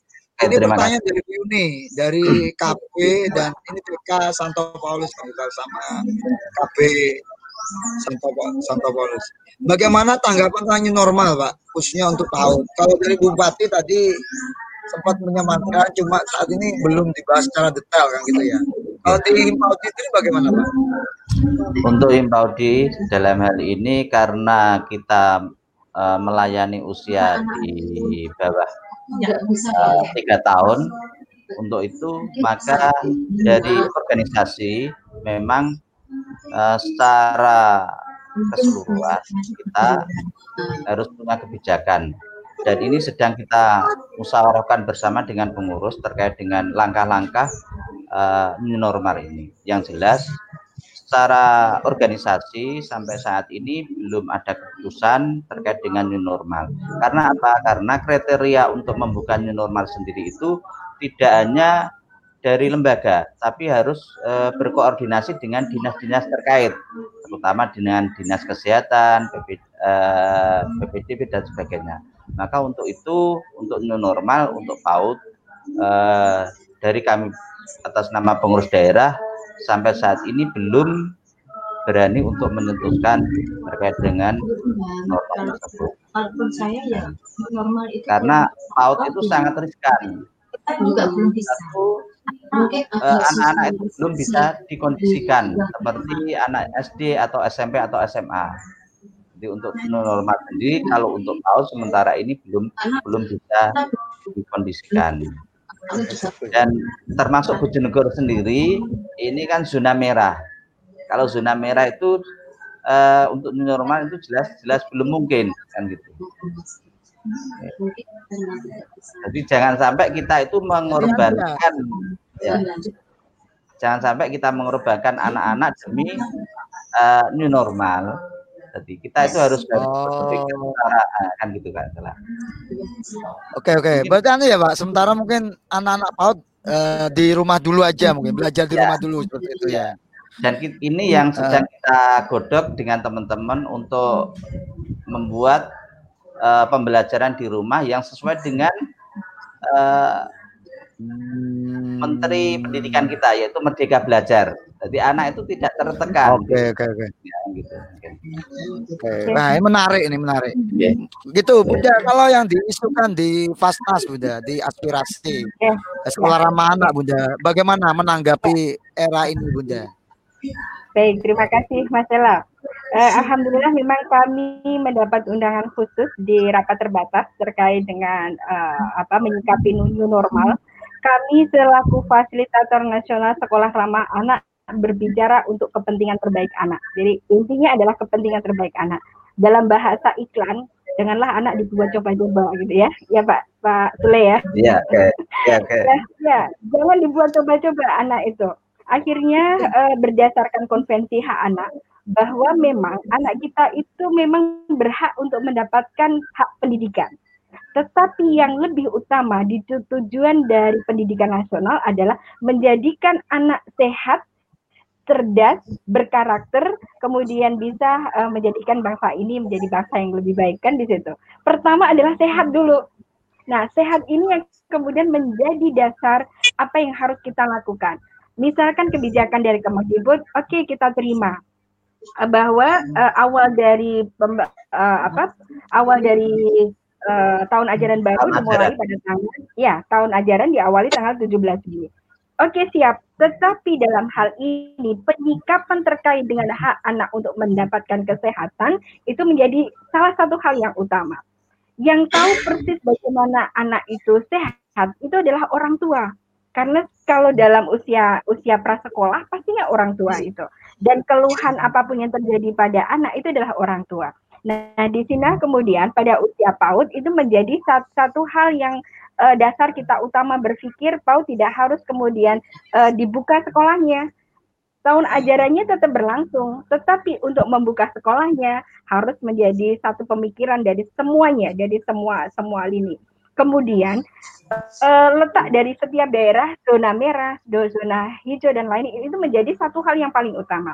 Ikatan Dokter Anak sudah menyampaikan juga boleh di, kemudian diberlakukan membuka sekolah, tetapi jika sudah berada di zona hijau. Dan zona hijau pun perilaku anak menjadi satu hal uh, perhatian utama karena uh, boleh jadi loh anak tetap pakai masker ya kan tetapi dia melihat masker temannya ini masker kamu lucu. Uh, gambarnya uh, ini poni. Masker maskermu juga lucu. Maskermu ternyata gambarnya Doraemon. Aku suka loh yang Doraemon. Ayo kita tuker-tukeran yuk. Ambiar kan? Ambiar. Padahal yang jualan ambiar, masker pintar loh bunda sekarang. Jual masker tuh di model Doraemon ikan ya, gitu. sesuai dengan anak-anak. Nah, itu yang kemudian harus kita perhatikan juga Bapak Ibu ya. Jadi kalau saya yeah. sebagai pemerhati anak, sebagai hmm. pemerhati pendidikan, eh, kalau boleh kemudian menggarisbawahi, ayo kita berpikir kesehatan anak dulu. Karena hak untuk mendapatkan pendidikan kalau di tingkat PAUD orang tua orang tua bahkan menjadi contoh, eh, menjadi pendidik utama dan pertama di saat sebelum sekolah. Prasekolah itu orang tua, pendidikan karakter itu orang tua. Bukan kemudian pada sekolah iya, sekolah iya memang mem membantu dalam menjadikan anak berkarakter. Tetapi yang per utama untuk mendidik anak-anak berkarakter itu adalah orang tua. Ini kalau dari pandangan fasilitator nasional yang memang kami dilibatkan penuh di dalam uh, pengkonsepan mulai dari konsep uh, bagaimana proses belajar di kelas, kemudian uh, bagaimana konsep nanti di setiap daerahnya dibukanya harus bagaimana, kami terlibat semuanya di dalamnya. Ya, oh, itu Mas Dela. Itu Pak Sule diajak rundingan Bu Bekti Pak Sule. Itu ya. tiap, tiap saat ya, chattingan sama saya ini. Habis ini tukeran habis ini habis ini tukeran nomor HP ya. Ya. Oke. Oke, untuk IGTKI pripun Bunda yang disiapkan untuk menghadapi era new normal dari IGTKI sendiri? Uh, kalau dari IGTKI untuk menghadapi era new normal ini untuk anak-anak ya, ini hmm. saya uh, untuk anak-anak sementara belajar di rumah dulu karena anak-anak ini uh, sangat rawan karena itu tadi seperti yang disampaikan oleh Bu Bekti tadi untuk kar masker dan lain-lain itu malah berbahaya sekali itu. Nah, kalau kalau terpaksa itu saya setuju itu pakai helm yang ada apanya itu. Oh, face shield. Ya, helm yang helm kaca itu itu kalau ya, memang terpaksa oh. harus masuk Ya, malah itu buat tahu. ya itu. Mungkin itu. Itu itu juga bisa ya, karena anak kan rawan itu. Uh, uh. ini nyambung juga iya. ini untuk bunda. Malah tukeran uh, kan malah bahaya. Uh, jadi anu bu ya untuk GTKM mungkin uh, belajar di rumah dulu mungkin sambil diambil formulanya juga Ya, ini ya. Bunda Putih, ini ada pertanyaan bagus lagi dari Umi Endang Matun. Belum disampaikan ini dari mana Bunda? Aku nggak kenal nih ya. Tanya Bunda Bukti dalam hal penolakan, apakah Iki diminta tolong anak untuk membantu belajarnya? Terkadang penolakan kita dikarenakan ada pekerjaan yang lain. Jadi bagaimana cara nolak ketika dia itu lagi sibuk gitu loh Bu. Ya. Okay, Tapi juga yeah. kadang anak belum bisa menerima jadi ketika orang tuanya itu lagi sibuk anaknya pengen tetap beradain gitu kemudian menangis. Mohon triknya untuk anak-anak yang merajuk Bu. Ya seperti itu. Selain menggunakan fasilitas HP dan sejenisnya. Itu Bunda. Okay. triknya Bunda. Yeah.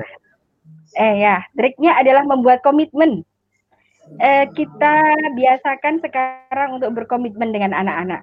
Jadi kalau budaya dulu itu selalu orang tua menjadi subjek, menjadi uh, salah satu yang paling utama yang berkuasa. Hmm.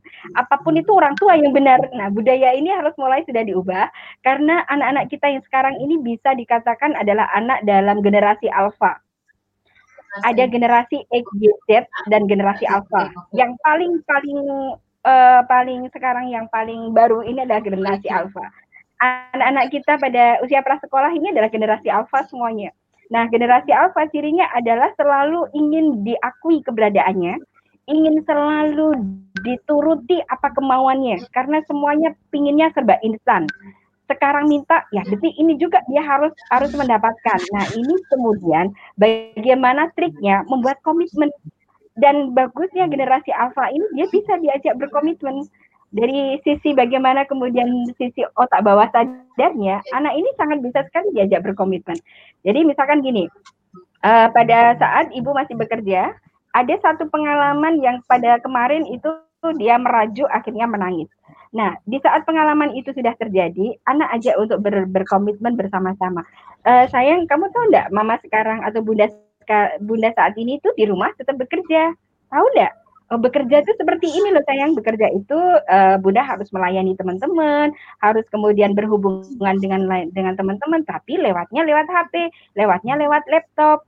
Nah, setelah diberi pemahaman itu, kira-kira uh, sayang mau ditemani belajarnya di jam berapa?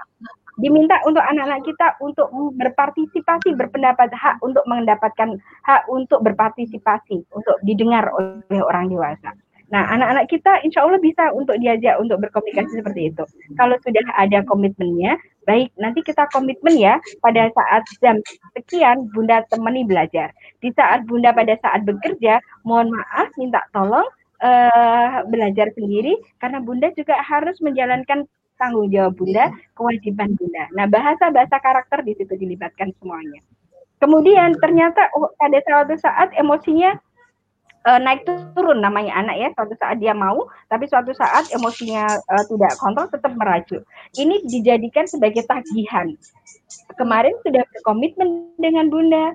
Uh, kemarin sudah sudah ada kan janji sama Bunda tolong bisa menjadi anak baik. Jadi hal-hal seperti ini yang sering kita kita kemudian tanamkan pada anak-anak kita. Kalau uh, boleh memberikan sharing, anak saya usia 4 tahun, usia tiga tahun sudah bisa saya ajak berkomitmen dengan membuat pohon komitmen bersama.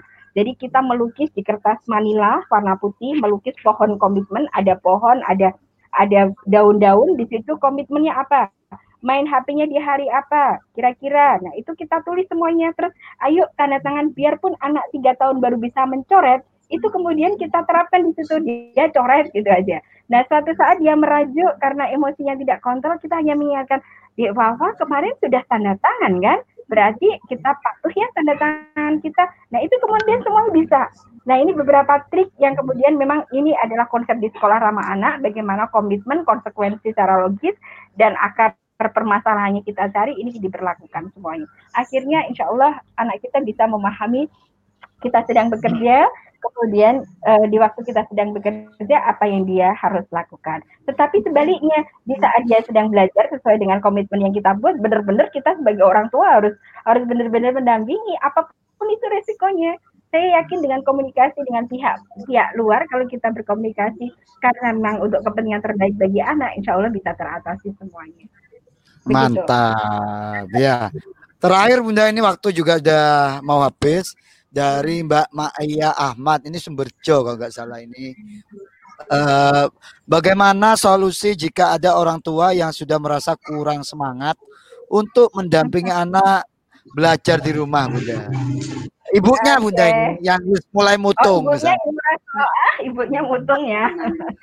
Ibu uh, kita kembali kalau mungkin uh, kita muslim ya kita kembali pada sesuatu yang menjadi acuan kita semuanya ada tiga hal yang tidak bisa uh, tidak hilang ya, yaitu uh, amal jariah, ilmu yang bermanfaat, dan anak yang soleh dan soleha.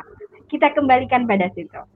Yang menjadikan anak soleh dan soleha menjadi tiket kita ke surga itulah adalah anak-anak kita. Anak-anak kita adalah tiket kita menuju ke surga itu yang menjadi kemudian kita kembalikan itu semuanya. Anak-anak kita adalah tiket kita menuju ke surga kebaikan anak apa pun yang ada adalah sebagai satu bahan kita nantinya akan mendapatkan uh, sesuatu yang luar biasa dari Allah Subhanahu wa taala. Kita bisa memberikan men, apa menerima kenikmatan-kenikmatan yang luar biasa. Karena saya yakin sekali saya pun bukan orang yang selalu bisa mengontrol emosi saya. Saya juga orang yang mungkin temperamen juga, tetapi pada saat kita kita kemudian kembalikan itu semuanya insya Allah pelan-pelan kita kemudian bisa menyadari itu. Tidak ada sesuatu yang terjadi tanpa izin Allah dan tidak ada apa pun yang kita terima sebagai cobaan ujian itu melampaui batas kemampuan manusia. Karena kalau misalkan anak kita yang misal, misal uh, kalau bahasa Betawinya atau bahasa Jakartanya 4 L ya Mas lah ya. Lu lagi, lu lagi, lu lagi, lu lagi. neh ya, kue neh, kue neh, kue neh, kue neh, nah gitu ya. Membikin kita, membikin kita gemes gitu ya. Tapi, uh, tapi di situlah ternyata Allah sudah memberikan kemampuan kepada kita untuk kita bisa menyikapi. Kemudian yang selanjutnya setiap perilaku yang terjadi pada anak itu adalah uh, sesuatu yang pernah kita ada keterlibatan itu. Dan itu yang perlu kita sadari semuanya sebagai orang dewasa. Tetap semangat bunda-bunda, tetap semangat. Ayo, uh, semangat ya. ya, anak adalah tiket kita menuju ke surga. Satu-satunya yang bisa kita andalkan adalah itu. Anak adalah iya. tiket kita menuju ke surga. Iya bunda, kalau tiket surga diobral masa ya enak aku tau bunda tiket surga. Ya. kan tantangannya. Ini ini uh, terakhir mungkin pertanyaan dari Mas Malik hipnoterapi ini ya. Oh, ini kayaknya curhat. Uh, uh, kenal ya bunda? Uh, kayaknya sambil curhat bunda ini. Ini curhat nih. Izin bertanya, salahkah bila kita sering memberikan reward hadiah misalnya Bunda ya pada anak kita bila anak kita bisa menyelesaikan atau bisa melakukan apa yang kita inginkan. Contoh ini, anak saya kemarin minta dibelikan PS, padahal anak-anak kalau udah kena PS kan susah berhenti bunda ini ya. ya saya belikan dengan syarat bisa naik sepeda. Akhirnya dia belajar giat naik sepeda dan bisa. Ya akhirnya ya model karena janji akhirnya belikan bunda. Itu pripun bunda. Salah apa enggak ya. orang tua seperti itu? Bunda? Tinggal kita melihat sudut pandangnya ya. Kalau reward itu hanya kemudian dianggap sebagai memanjakan, itu salah. Karena yang diharapkan oleh anak itu sebenarnya adalah dukungan. Jadi uh, reward itu dibagi lagi menjadi dua, hadiah dan dukungan.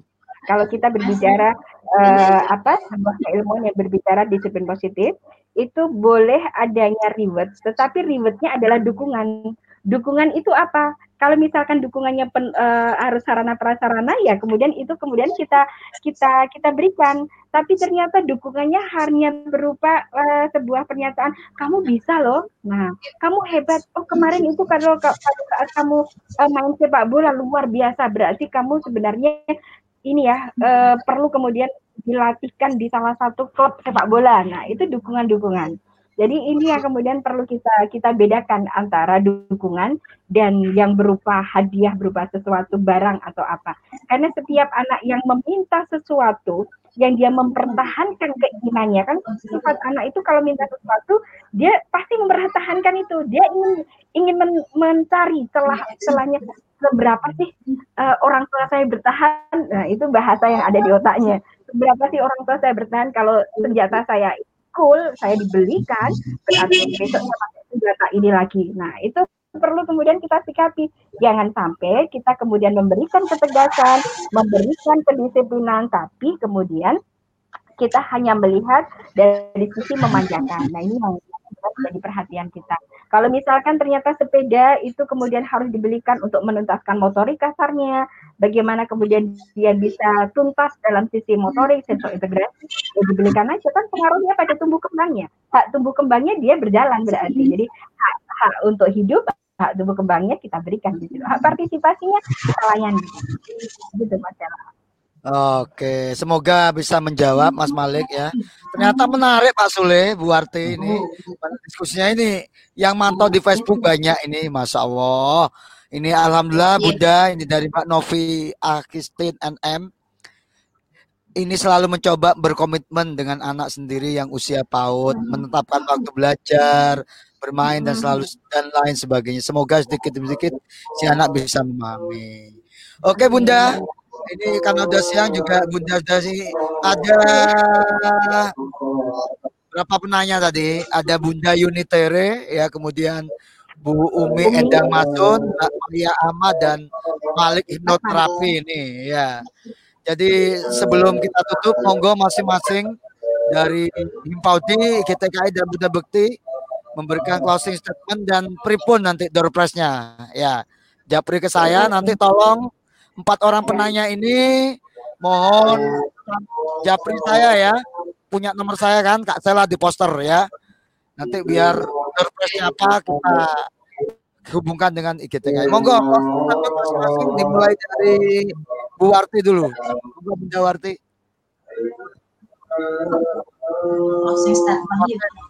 Penutupan Bunda Terima kasih Kak Sela. Kesimpulannya saya sangat setuju dengan adanya jengker santuy ini karena ini memba sangat membantu sekali terutama untuk nanti untuk curhat dan memecahkan permasalahan uh, itu apa? Dan itu loh Kasela apa namanya? Menambah pengalaman itu di antaranya itu. Uh, anu ya, IGTKI merasa cocok ya aplikasi ini ya. Iya, iya, Cocok, cocok, cocok, cocok Ini perlu perlu ditingkatkan, perlu okay. dilanjut. Ya. Gitu.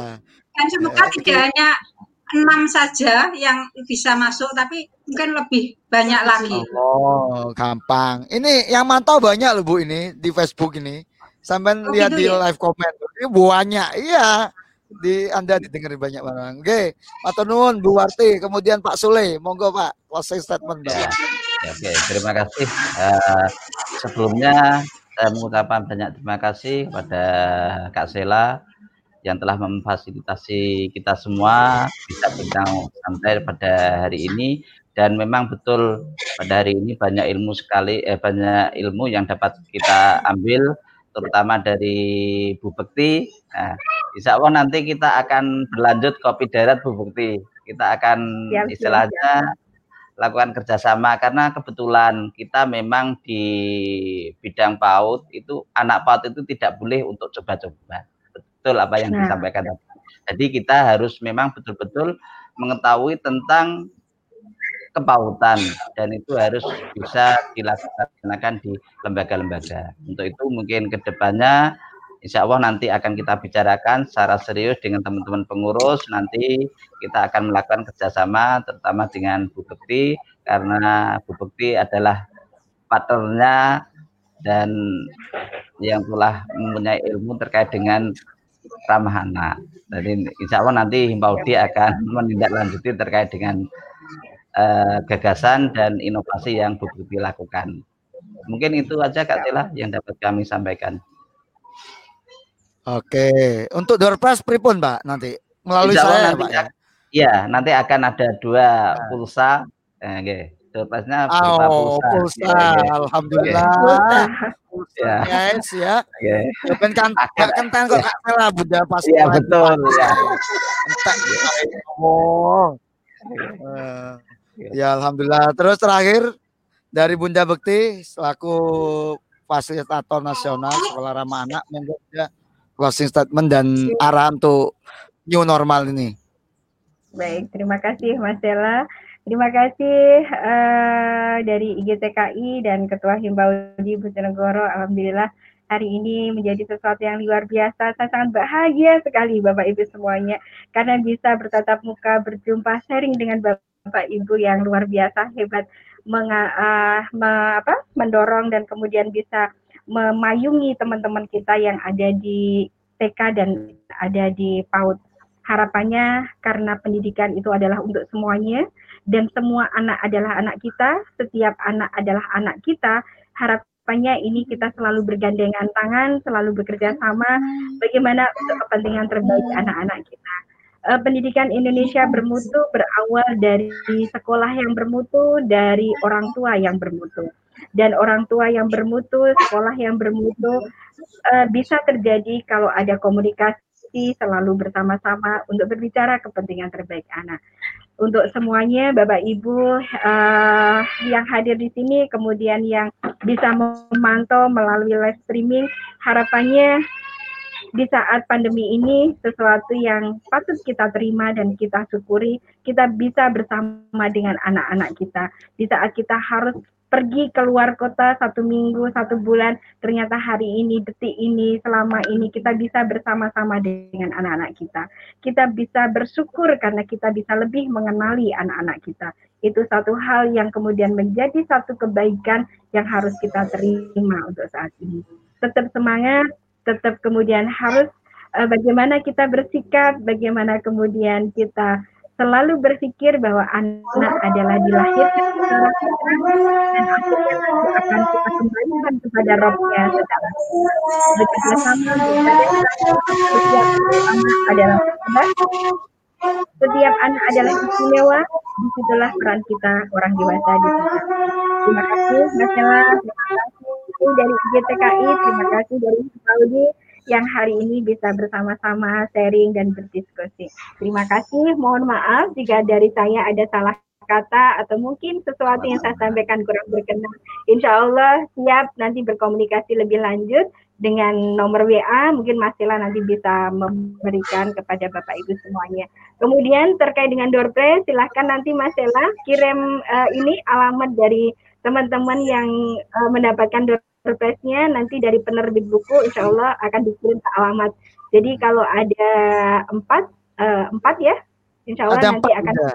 ada empat ya, penanya akan, tadi yang... akan kami kirim empat empatnya buku sekolah ramah anak. Haruskah sekolah itu ramah anak? yang saya tulis sendiri berdasarkan pengalaman-pengalaman saya. Terima kasih. Mohon maaf lagi. Assalamualaikum warahmatullahi wabarakatuh. Waalaikumsalam warahmatullahi wabarakatuh. Dan jangan lupa hari ini hari kesaktian Pancasila ya. Ya, hari kesaktian. Hari anak sedunia. Hari anak dunia juga. Wes kok banyak hari deh ya. Sampai kita santuy di sini ya, cengker santuy. Pesan saya pada Bunda dari GTKI dan Yanda dari Pak Sule, jangan sampai Bu Bu Bukti direbut daerah lain ya. Itu udah keliling ke mana-mana itu. Ayo kita optimalkan kabupaten sendiri. Masa Bu Bukti gak bisa bangun kabupaten Dewi kan ya rugi. Kita kerja bareng. Bojonegoro bergerak bersama-sama. Oh ya, informasi masalah Ya. Mohon maaf informasi Mas Ella. Kita dari aspirasi ada sosialisasi gratis SRA dengan jumlah peserta 100 dengan jumlah peserta 100 peserta melalui Zoom meeting milik kami. Eh, monggo ini disikapi oleh Himpaudi IGTKI bersurat saja ke aspirasi disampaikan ke WA saya. Eh, tanggalnya boleh oh, di atas tanggal 10 karena yang di bawah tanggal 10 sudah sudah penuh. Sosialisasi Oh. SRA. Ya. Ya. Kami nanti insya Allah bisa menghadirkan Ibu Asisten Deputi dari KPPA. Nah, Monggo kalau kan lumayan kan? Mau berkah kan? Monggo kapan di agenda teman-teman dari Himpaudi atau GTKI pakai Zoom Pak kalau yang dari eh, SRA ya. Oke, dari Kak Sela mengucapkan terima kasih kepada seluruh para pemirsa yang sudah mantau langsung dari Facebook maupun YouTube yang hari ini banyak sekali yang komen ini. Dan mohon maaf yang pertanyaannya belum sempat Kak Sela bacakan. Kalau saya baca ini bisa satu hari nanti ini nggak selesai-selesai ini ya. Ya, kasihan nanti ya. Ya, nggak masak-masak nanti ya.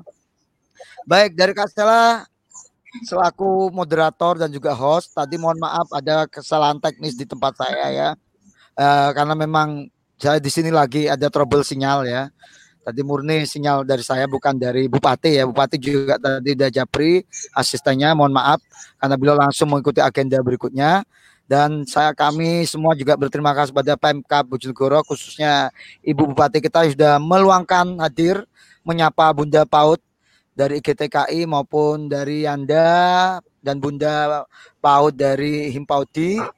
Semoga sharing-sharing kita hari ini bermanfaat dan ingat acara ini bukan terakhir masih ada enam hari ke depan tetap pantau terus tiap hari jam 10 sampai jam 19.30 dan hari ini dapat bonus lumayan 19 menit ya.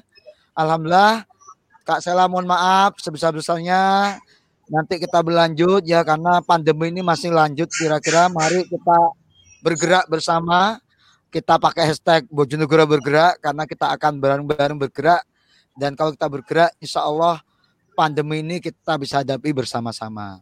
Dari Kak Sela mohon maaf, terima kasih banyak atas perhatiannya dan Assalamualaikum warahmatullahi wabarakatuh. Waalaikumsalam. Waalaikumsalam warahmatullahi wabarakatuh. Oke. Monggo ya, terima kasih. Nanti tak chatting Pak Sule untuk, untuk ininya Pak Sule ya. Terima Mungkin kasih Bu Bunda Bukti Bekti. Oke. Ya. Sudah? Pripun? Pak? Sampun, nggih. Nanti tak Oke. japri nggih. Oke. Untuk nomor Ibu Bukti ya. Oke. Termasuk yang penanya tadi, Kak. Oh, ya nanti biar chatting saya. Oke. Para penanya mohon anu ya japri saya ya di poster nomor saya di poster poster kegiatan ya. Atau pantau di Facebooknya blogger Bojonegoro di posternya ada itu Kak Sela ya. Terima kasih